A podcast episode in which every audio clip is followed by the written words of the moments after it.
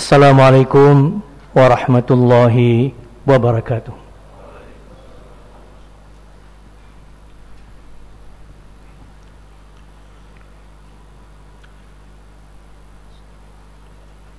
Allahu Akbar.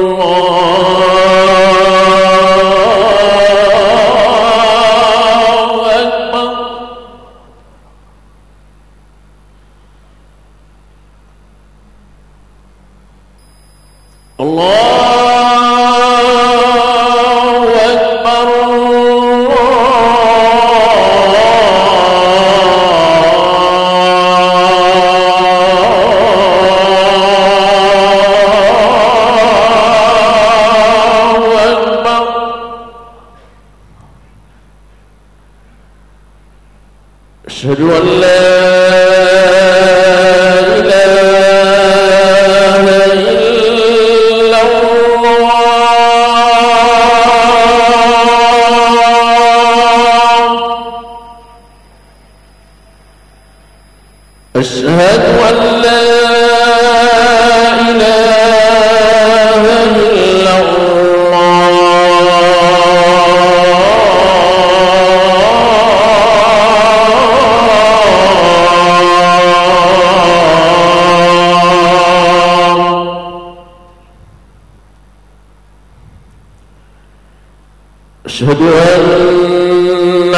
محمدا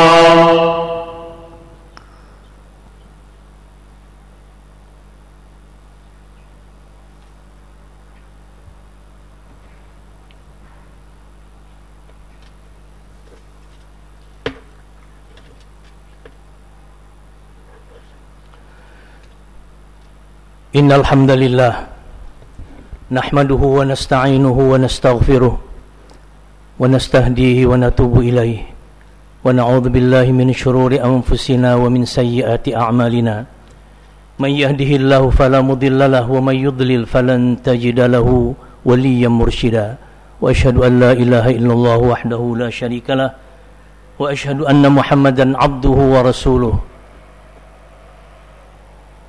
بلغ الرسالة وأدى الأمانة ونصح الأمة وجاهد في الله حق جهاده حتى أتاه اليقين تركنا رسول الله صلى الله عليه وسلم على المحجة البيضاء ليلها كنهارها لا يزيغ عنها إلا هالك اللهم فصل وسلم وبارك على سيدنا ونبينا محمد وعلى آله وأصحابه ومن اقتفى أثره واهتدى بهداه إلى يوم القيامة رضي الله عنهم وأرضاهم أجمعين أما بعد فيا أيها المسلمون رحمكم الله أوصيكم ونفسي بتقوى الله في السر والعلن فقد فاز المتقون فاتقوا الله يا عباد الله فإن الله مع المتقين وقال الله تعالى في كتابه الكريم أعوذ بالله من الشيطان الرجيم يا أيها الذين آمنوا اتقوا الله حق تقاته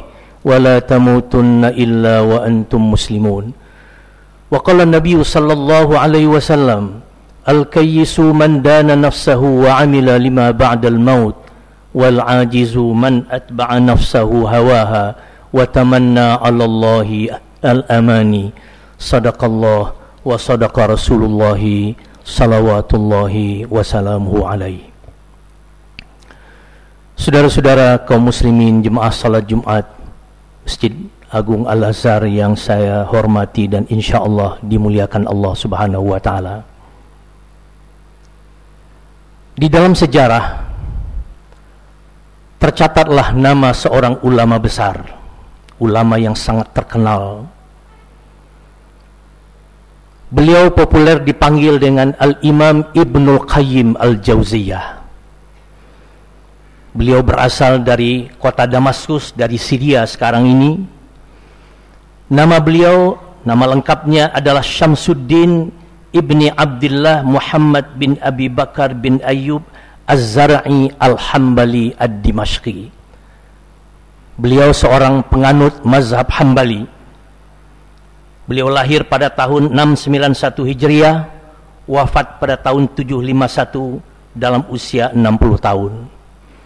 Beliau ini tergolong ulama yang sangat produktif menulis. Dan alhamdulillah karya-karya beliau yang ditulisnya itu sampai sekarang ini masih bisa kita baca dan masih bisa kita nikmati. Ada lagi seorang ulama yang namanya hampir mirip dengan beliau sebutannya yaitu Al-Imam Ibnul Jauzi. Kalau beliau Ibnul Qayyim Al-Jauziyah, kalau yang sekarang ini Ibnul Jauzi. Beliau berasal dari Irak. Nama beliau adalah Abdul Farad Abdurrahman Ali bin Muhammad Al-Hambali Al-Iraqi.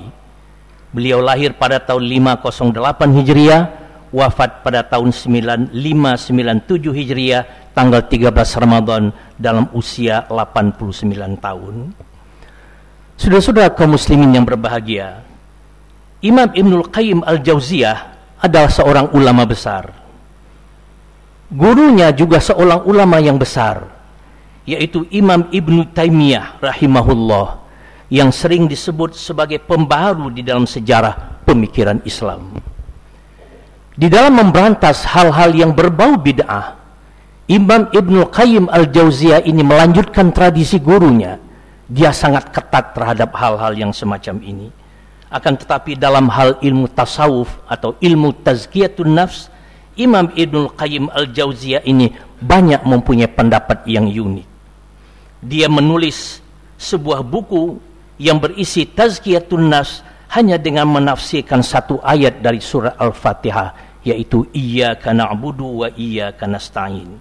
Semuanya terdiri daripada tiga jilid tebal yang kemudian beliau beri nama dengan judul Kitab Madarijus Salikin fi manazili iyyaka na'budu wa iyyaka nasta'in.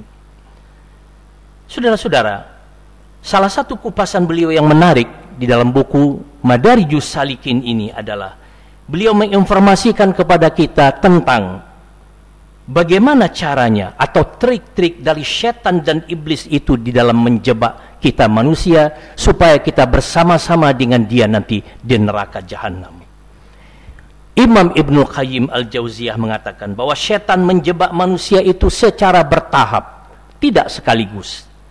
Ia sangat memperhitungkan betul jenis manusia yang dihadapinya dia akan menggunakan cara-cara yang kasar dan vulgar, cara-cara yang setengah kasar, kemudian cara yang halus dan cara yang sangat tersembunyi. Marilah kita ikuti apa yang disebutkan oleh beliau di dalam kitab Madarijus Salikin itu untuk kita mewaspadai trik dan strategi setan dalam menjebak manusia. Pertama, Setan dan iblis itu akan menawarkan kekufuran kepada kita. Dia akan mengajak orang untuk menolak agama, menolak eksistensi Tuhan, risalah para rasul dan kebenaran-kebenaran yang ada dalam kitab suci. Dalam Al-Quran surah Al-Hasyar Allah subhanahu wa ta'ala berfirman, Kama thali syaitani idh qala lil insani ukfur, falamma kafara qala inni bari'um minka inni akhafu akhafullaha rabbal alamin. Seperti setan ketika dia mengatakan kepada manusia kafirlah kamu. Maka ketika manusia itu kafir dia mengatakan sesungguhnya aku berlepas diri daripada kamu sesungguhnya aku pun juga takut kepada Allah Rabbul Alamin itu agama akan diajarkan sebagai keterbelakangan sekarang ini banyak orang yang beranggapan kalau Anda ingin maju dan berkehidupan modern, Anda tinggalkan ajaran agama. Agama tidak perlu dilaksanakan. Manusia modern adalah manusia yang yang rasional, yang sekular dan individual. Sedangkan agama akan menyebabkan manusia itu irasional, dogmatis dan diperbudak oleh ajaran agama itu sendiri. Tuhan itu sudah mati kata Friedrich Nietzsche dengan menyerahkan diri anda kepada aturan agama. Lagi menjadi seorang manusia ini kata filosof eksistensialis. Agama adalah neurosis universal kata Sigmund Freud akhirnya agama itu tidak lebih dari sekadar candu yang diberikan oleh kaum berjuis untuk menyinabobokkan kaum proletar itu kata Karl Marx, pendiri komunisme. Saudara-saudara, boleh jadi yang diragukan itu bukan Tuhan, tetapi kerasulan dan kenabian. Konon dulu ada salah seorang mahasiswa yang cerdas dari salah satu perguruan tinggi Islam. Dia mengatakan, saya ini muslim, tetapi saya tidak ingin melakukan salat. Kenapa? Soalnya saya ingin beragama menurut cara saya sendiri. Mengapa saya harus diatur-atur oleh Nabi Muhammad? Katanya. Nah ternyata mahasiswa yang sangat cerdas ini tidak yakin akan perlunya utusan Allah di dalam membimbing kehidupan umat manusia. Saudara-saudara, seandainya jebakan yang pertama ini gagal, iblis akan merancang jebakan berikutnya Jebakan berikutnya adalah Anda akan ditawari dengan hal-hal yang berbau kemusyrikan. Dia akan membuat Tuhan-Tuhan tandingan ketika Anda melakukan ibadah kepada Allah. Dia akan mengatakan, biarlah Anda salat, biarlah Anda beribadah, puasa, zakat, naik haji. Akan tetapi, dia akan merubah niat Anda ketika ibadah itu. Ketika Anda ibadah bukan mencari lillah, tetapi mencari li ghairillah selain Tuhan. Bila juga gagal, dia akan merancang jebakan berikutnya. Dia akan menawarkan kepada anda hal-hal yang berbau bid'ah. Ibnu Qayyim mempunyai pendapat yang unik tentang definisi bid'ah ini. Berbeda dengan kebanyakan para ulama. Dia mengatakan bahwa bid'ah itu adalah segala hal yang bertentangan dengan sunnah Rasulullah. Baik dalam ibadah maupun di luar ibadah. Ketika Nabi mengajarkan sikap saling menghormati ketika terjadi silang pendapat di antara kita, terutama pada hal-hal yang bersifat zanni, tidak yang bersifat kat'i, maka itu adalah sunnah. ketika Anda memutlakkan pendapat Anda saja yang benar, pendapat yang lain salah, maka ketika itu Anda terjebak ke dalam perkara bid'ah. Termasuk dalam perbuatan bid'ah ini adalah ketika seseorang suami menjadikan istrinya di rumah tangganya menjadi budak, menjadi babu. Dia adalah majikan sementara istrinya adalah buruh yang menerima upah.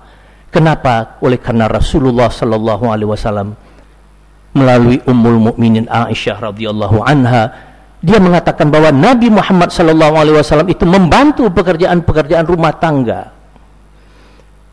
Ketika Anda seorang pebisnis, Anda lancung dalam bisnis, maka Anda terjebak ke dalam bid'ah. Kenapa? Oleh karena Nabi mengajarkan sikap amanah di dalam bertransaksi, di dalam berbisnis. Begitu juga ketika seseorang malas mencari ilmu, dia terjebak ke dalam bid'ah karena Nabi memuji para pencari ilmu dan Allah mengangkat derajat orang-orang yang berilmu.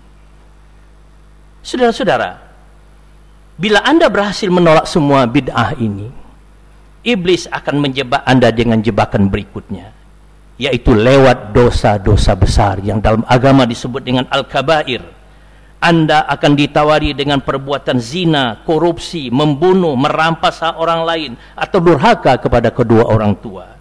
Iblis akan mengatakan akan menyebutkan zina itu sebagai sistem pergaulan masa kini.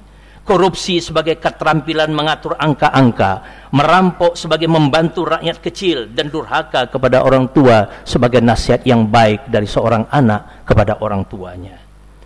Biasanya dosa-dosa besar ini pun akan diajarkan oleh syaitan dan iblis itu kepada kita manusia secara bertahap juga, tidak secara sekaligus. Oleh karena itulah di dalam Al-Quranul Karim, Allah tidak langsung menunjukkan larangan untuk berzina itu, janganlah kamu berzina. Tetapi Allah mengatakan, jangan kamu mendekati zina. Wala zina oleh karena mendekati zina dengan berbuat zina itu ada step-step atau ada langkah-langkah yang akan dimanfaatkan oleh setan. Anda mula-mula umpamanya akan disuguhi kenyamanan berduaan dengan yang bukan muhrim, kemudian mencari tempat yang sepi, kemudian sentuhan-sentuhan kecil dan seterusnya dan seterusnya. Ya kita tahulah apa yang akan terjadi. Korupsi akan dimulai dari komisi, upeti sampai kepada pemalsuan anggaran dan sebagainya.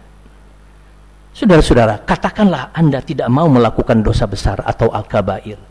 Setan akan datang dengan jebakan berikutnya. Dia akan menawarkan kepada Anda dosa-dosa kecil atau as-sagair. Dengan halus dia akan berbisik di telinga kita.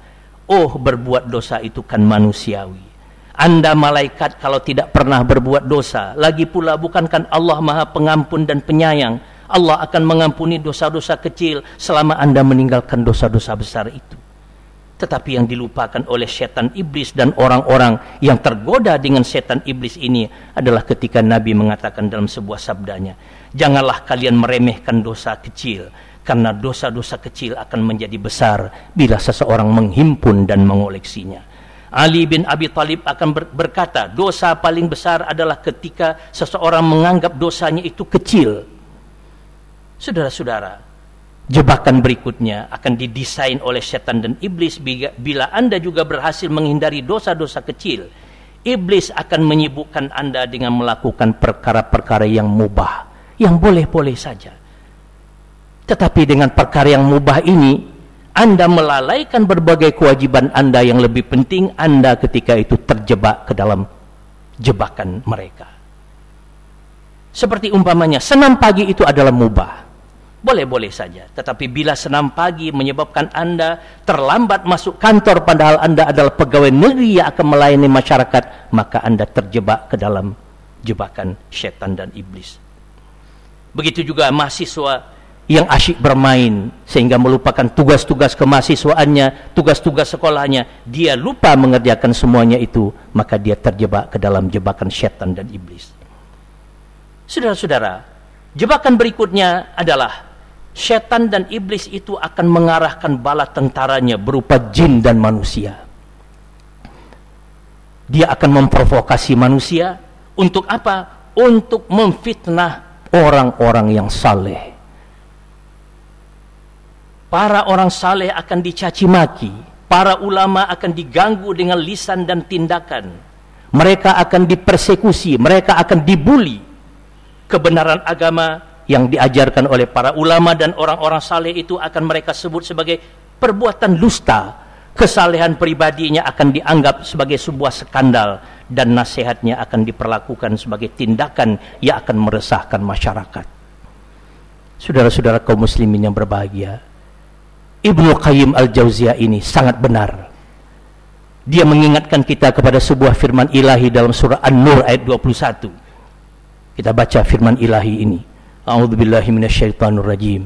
Ya ayyuhalladzina amanu la tattabi'u khutuwatis syaitan.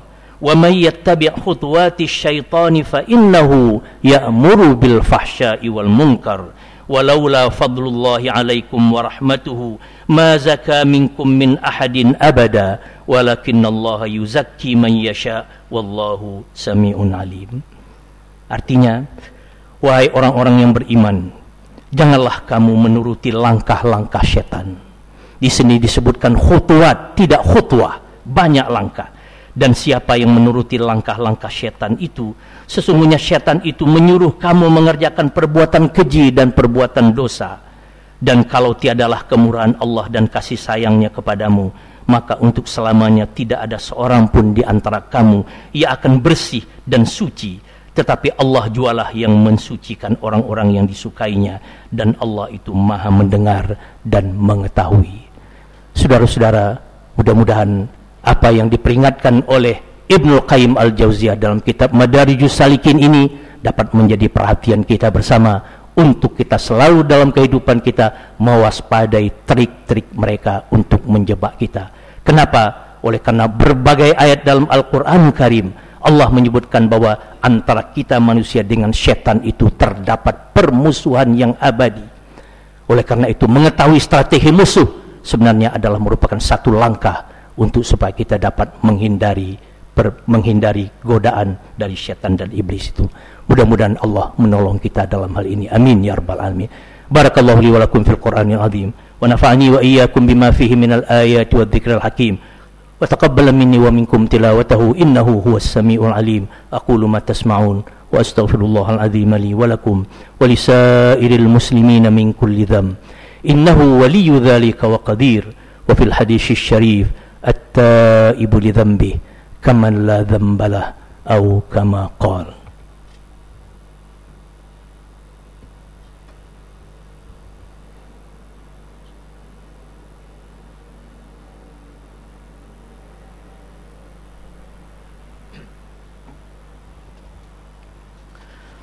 الحمد لله حمدا كثيرا كما أمر والصلاة والسلام على الشفيع المشفع في المحشر اللهم فصل وسلم وبارك على سيدنا ونبينا محمد ما اتصلت عين بنظر وأذن بخبر وأشهد أن لا إله إلا الله وحده لا شريك له وأشهد أن محمدا عبده ورسوله.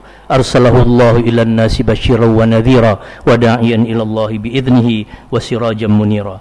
أما بعد فأوصيكم ونفسي بتقوى الله ومن يتق الله يجعل له مخرجا ويرزقه من حيث لا يحتسب.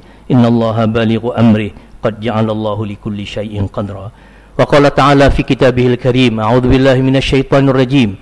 يا أيها الذين آمنوا اتقوا الله وقولوا قولا سديدا. يصلح لكم أعمالكم ويغفر لكم ذنوبكم. ومن يطع الله ورسوله فقد فاز فوزا عظيما. واعلموا أن الله صلى على نبيه قديما. وقال تعالى ولم يزل قائلا عليما. إن الله وملائكته يصلون على النبي. يا أيها الذين آمنوا صلوا عليه وسلموا تسليما. اللهم صل على محمد وعلى آل محمد كما صليت على إبراهيم وعلى آل إبراهيم وبارك على محمد وعلى آل محمد كما باركت على إبراهيم وعلى آل إبراهيم في العالمين إنك حميد مجيد. وارض اللهم عن الخلفاء الأربعة أبي بكر وعمر وعثمان وعلي وعن بقية الصحابة والقرابة والتابعين وتابع التابعين لهم بإحسان إلى يوم الدين وعنا معهم بكرمك يا أكرم الأكرمين. اللهم اغفر للمسلمين والمسلمات والمؤمنين والمؤمنات الأحياء منهم والأموات برحمتك يا أرحم الراحمين اللهم ربنا لا تزغ قلوبنا بعد إذ هديتنا وهب لنا من لدنك رحمة إنك أنت الوهاب اللهم يا حي يا قيوم يا ذا الجلال والإكرام اجعلنا وجميع المسلمين ممن صام رمضان وقامه إيمانا واحتسابا فغفر له ما تقدم من ذنبه وما تأخر. برحمتك يا أرحم الراحمين. اللهم يا دائم الخير والإحسان. يا من كل يوم هو في شأن. يا من لا تنفعه الطاعة ولا يضره العصيان. اجعلنا فائزين منك بالمغفرة والرضوان. حائزين لأسباب السلامة والفوز والعتق من النار. اللهم اجعلنا من المقبولين في هذا الشهر الفضيل وخصنا فيه بالأجر, بالأجر الوافر والعطاء الجزيل. اللهم اجعلنا ممن صام الشهر واستكمل الأجر وأدرك ليلة القدر وفاز بجائزة الرب تبارك وتعالى. ربنا آتنا في الدنيا حسنة وفي الآخرة حسنة وقنا عذاب النار. وأدخلنا الجنة مع الأبرار. يا عزيز يا غفار يا رب العالمين. عباد الله إن الله يأمر بالعدل والإحسان وإيتاء ذي القربى وينهى عن الفحشاء والمنكر والبغي يعظكم لعلكم تذكرون فاذكروا الله العظيم يذكركم واشكروا على نعمه يزدكم واسألوا من فضله يعطكم ولذكر الله أعظم وأجل وأكبر والله يعلم ما تصنعون أقم الصلاة